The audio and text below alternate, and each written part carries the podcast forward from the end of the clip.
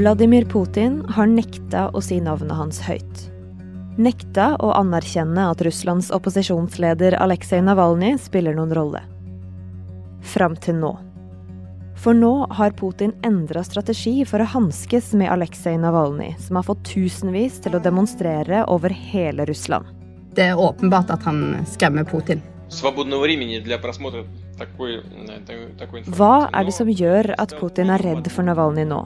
Og ikke minst, hvor mye har Putin å frykte fra folket som nå tar til gatene?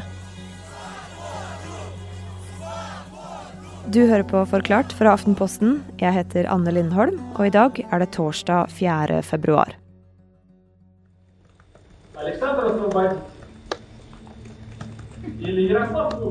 Aleksej Navalnyj har brukt rettssaken som føres mot ham, til å rope fornærmelser mot den russiske presidenten. Mens han har sikkerhetsvakter på alle kanter og står innestengt i et glassbur, så kaller han Putin en underbukseforgifter og en liten byråkrat som bare tilfeldigvis ble president. Den 44 år gamle slanke russeren som har slått seg opp som korrupsjonsjeger, så ikke overraska ut da dommen ble lest opp. Han må i fengsel i nesten tre år. Han er dømt for å ha brutt betingelsene i en gammel dom som tilhengerne hans mener er politisk motivert. Og de reagerte forutsigbart da dommen kom på tirsdag. Tilhengerne til Navalnyj gikk eh, ut i gatene med en gang for å vise støtte. Og de ble møtt med masse politivold. Ellers så tror jeg at de færreste ble overraska over dommen. Det har jo ligget i kortene hele tida at han eh, ikke skal bli en fri mann på lang tid. Helene Skjeggestad, du er Aftenpostens korrespondent i Russland. Hvordan har du sett at Putin har pleid å forholde seg til Aleksej Navalnyj? Putin har pleid å ignorere han. Hvis han fikk spørsmål, så svarte han kanskje unnvikende eller lot være å svare i det hele tatt. Så Navalnyj har i mange år vært han hvis navn ikke må nevnes i eh, Putins uttalelser og på russisk statlig TV. Til og med etter at Navalny ble forgifta, ble han bare omtalt som pasienten, eller Berlin-pasienten. Men eh, nå er det noe grunnleggende som er i ferd med å endre seg. Og det ble tilgjengelig for hele verden under et møte mellom studenter og Putin, som det russiske medieselskapet RBC streama live. Her kan man se at en av studentene spør president Putin direkte om en film som Navalny har lagt ut. Eh, denne filmen er en nesten to timer lang dokumentar der eh, Putin anklages for å eie et slott eh, ved Svartehavet som er verdt 11,5 milliarder kroner. Og det svarer faktisk Putin på. Vladimir Vladimirovич, правда ли это? Да, смотрите, Putin han, han, smiler litt, og så sier han at uh, han ikke har noen ting med dette slottet å gjøre, og han har heller ikke sett filmen. Men bare det at han anerkjenner at denne filmen finnes, det er helt nytt. Han pleier jo ikke å nevne Navalny med navn engang. Вот это первое. Второе. Jeg har også merka stor forskjell i hvordan statlige russiske medier dekker Navalnyj-saken nå. Nå nevnes den titt og ofte, og, og før så, så man jo aldri Navalnyj i beste sendetid. Men hva slags forskjell er det det utgjør, da? Dette betyr jo at saken rundt Navalnyj og Navalnyj som person er blitt for stor til å ignoreres. I mange år nå så har Navalnyj eh, fått bygge opp en politisk infrastruktur over hele landet og da særlig gjennom bruk av eh, sosiale medier. Nå er han så stor og så farlig for regimet at han ikke lenger får holde på i fred. Det er åpenbart at han skremmer både Putin og elitene i Kreml. Og det at Vladimir Putin nok er skremt nå, det handler om mer enn bare Aleksej Navalnyj.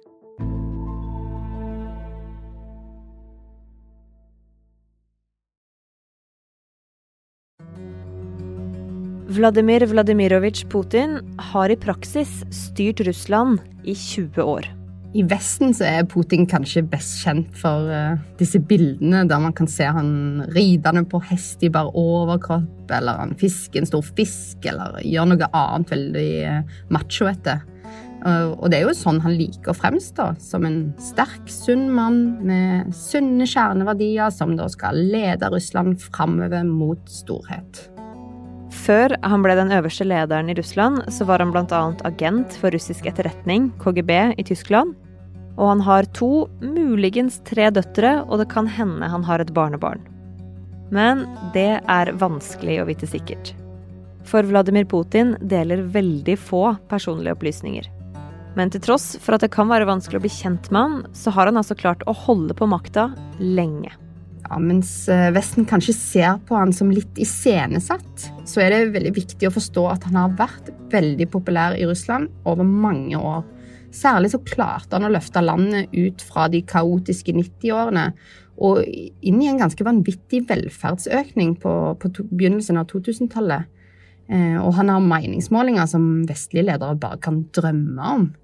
Eh, nå handler det òg om at det er vanskelig å gjennomføre gode meningsmålinger i Russland, og at det ikke har vært reell opposisjon til Putin som har fått tilgang til medier og, og makt. Men uansett, han har vært, og han er fremdeles eh, populær i Russland. Men nå kan det jo se ut til at eh, Putin begynner å bli litt bekymra for sin posisjon. Og det har han kanskje god grunn til. For Vladimir Putin han har hatt et ganske røft 2020. Og det i et år som egentlig skulle være et jubelår for både Putin og for den russiske føderasjonen.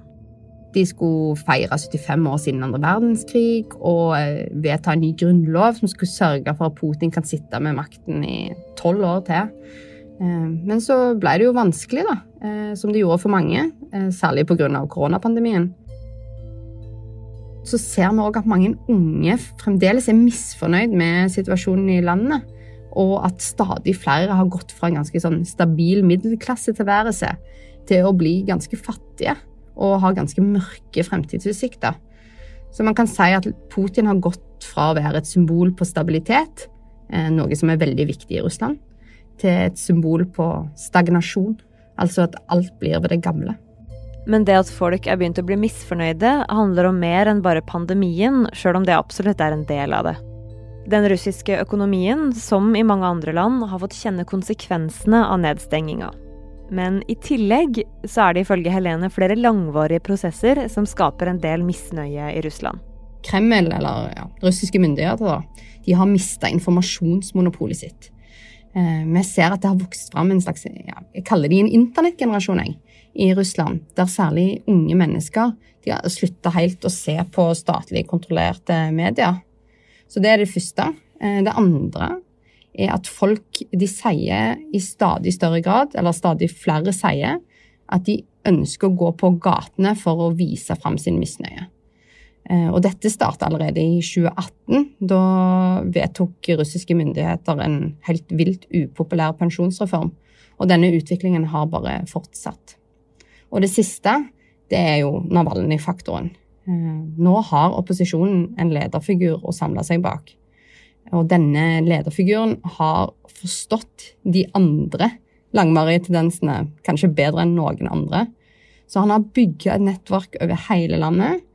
Han gnir det inn ved enhver anledning at elitene har det fett økonomisk, mens andre sulter. Og han oppfordrer folk til å gå ut i gatene.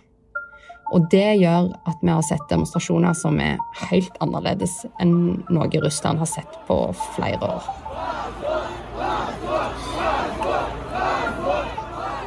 For på toppen av alt det her så kom forgiftninga, arrestasjonen og til slutt dommen mot Navalnyj. De siste dagene har hundrevis av mennesker blitt arrestert, særlig i hovedstaden Moskva, hvor Helene har vært midt i mengden som demonstrerte det var jo så mye folk at man følte man var tilbake i pre-koronatid og på utendørskonsert på en stor festival, Roskilde Skilde eller noe sånt.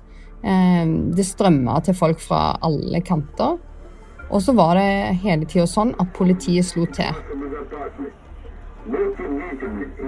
Og det kunne være fra hvilken som helst kant. Og dermed begynte alle å springe. Og jeg, som ikke er verdens høyeste, jeg bare sprang med for å unngå å bli klemt. Men så så jeg òg eh, folk i alle aldre som på en måte jeg aldri har sett før i Russland. Var helt fryktløse i møte med politiet. En hendelse som satt, satt i lenge, var at ja, først hadde politiet beslaglagt disse røde plakatene hvor det sto støttende slagord for Navalnyj. Og de hadde de lagt på en benk bak seg. Eh, og Plutselig da, så kom det en sånn krokete, gammel mann opp til dem. Eh, han strakte fram hånda og tok en plakat fra bak politiet, som han da holdt opp rett imot dem. Og på den plakaten så sto det 'Navalnyj er ikke redd', og det er ikke jeg heller. Og Sånne eksempler har det vært mange av de siste to ukene. Hva er det det forteller, da? Det kan jo se ut som Navalnyjs uredde oppførsel har smitta over på mange av demonstrantene. Og det er jo derfor vi nå ser et mye mer brutalt politi enn det vi så i den første delen av eh, protestbølgen. Mm. Men hva er det de her demonstrasjonene sier om Putins stilling i Russland? Demonstrasjonene sier at uh, eh, 20 år med makta er lang tid, uh, og at mange ønsker en forandring. Og for første gang så gjelder dette i hele det enorme landet, ikke bare i storbyene. Så det er ikke uten grunn at Putin har skifta strategi. Eh, dette betyr trøbbel for han og hans regime. Ja, for Hva slags strategi er det Putin nå bruker for å slå ned motstanden? Ja, Putin har masse han kan gjøre, og han har allerede definitivt begynt med det. Eh, for det første så ser vi at det gjennom statlige medier hagler kritikk mot Navalny som person. Eh, for det andre så kommer det ganske sterke anklager mot Vesten og USA der det hevdes at det er de som står bak demonstrasjonene og har spytta masse penger inn i dette. Og For det tredje så appellerer de til foreldre med å si at denne bevegelsen radikaliserer og er farlig for, eh, for barn og unge. Og det siste, som kanskje er mest forståelig, er jo at de påpeker at dette skjer under koronapandemien. Eh, det er jo fremdeles opp mot 20 000 nye smitta hver dag i Russland. I tillegg da, til denne informasjonskampanjen så har det jo slått knallhardt ned på demonstrantene. Og men sitter igjen med en følelse av at alle kan bli arrestert. Og sånn som vi så under rettssaken med Navalny. Alle kan òg bli dømt. Men betyr det at urolighetene kommer til å gå over, og at vi til slutt får business as usual i Russland igjen, med Putin på toppen og lite offentlig kritikk? Jeg aner ikke. Altså, De siste seks månedene med historien til Navalny har jo overgått fantasien. Eh, han har blitt forgifta, evakuert til Tyskland. Eh, på YouTube-kanalen hadde han en avsløring av eh, gjerningsmennene under falskt navn. Han hadde denne storslåtte returen, og så nå enorme demonstrasjoner som har blitt storpolitikk. Og nå på tirsdag, da, en dom. Så kanskje blåser dette over med Navalny bak lås og slå. Eller så utvikler det seg og blir et opprør som, som reelt vil true Putins posisjon. Og vi vet jo at dette tross alt er et land som ikke er fremmed for revolusjoner.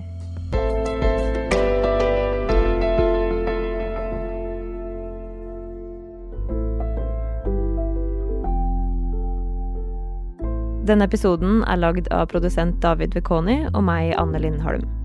Resten av Forklart er Caroline Fossland, Ina Swann og Marit Eriksdatter Gjelland. Du har hørt lyd fra nyhetsbyrået AP, RBC og russisk statlig TV.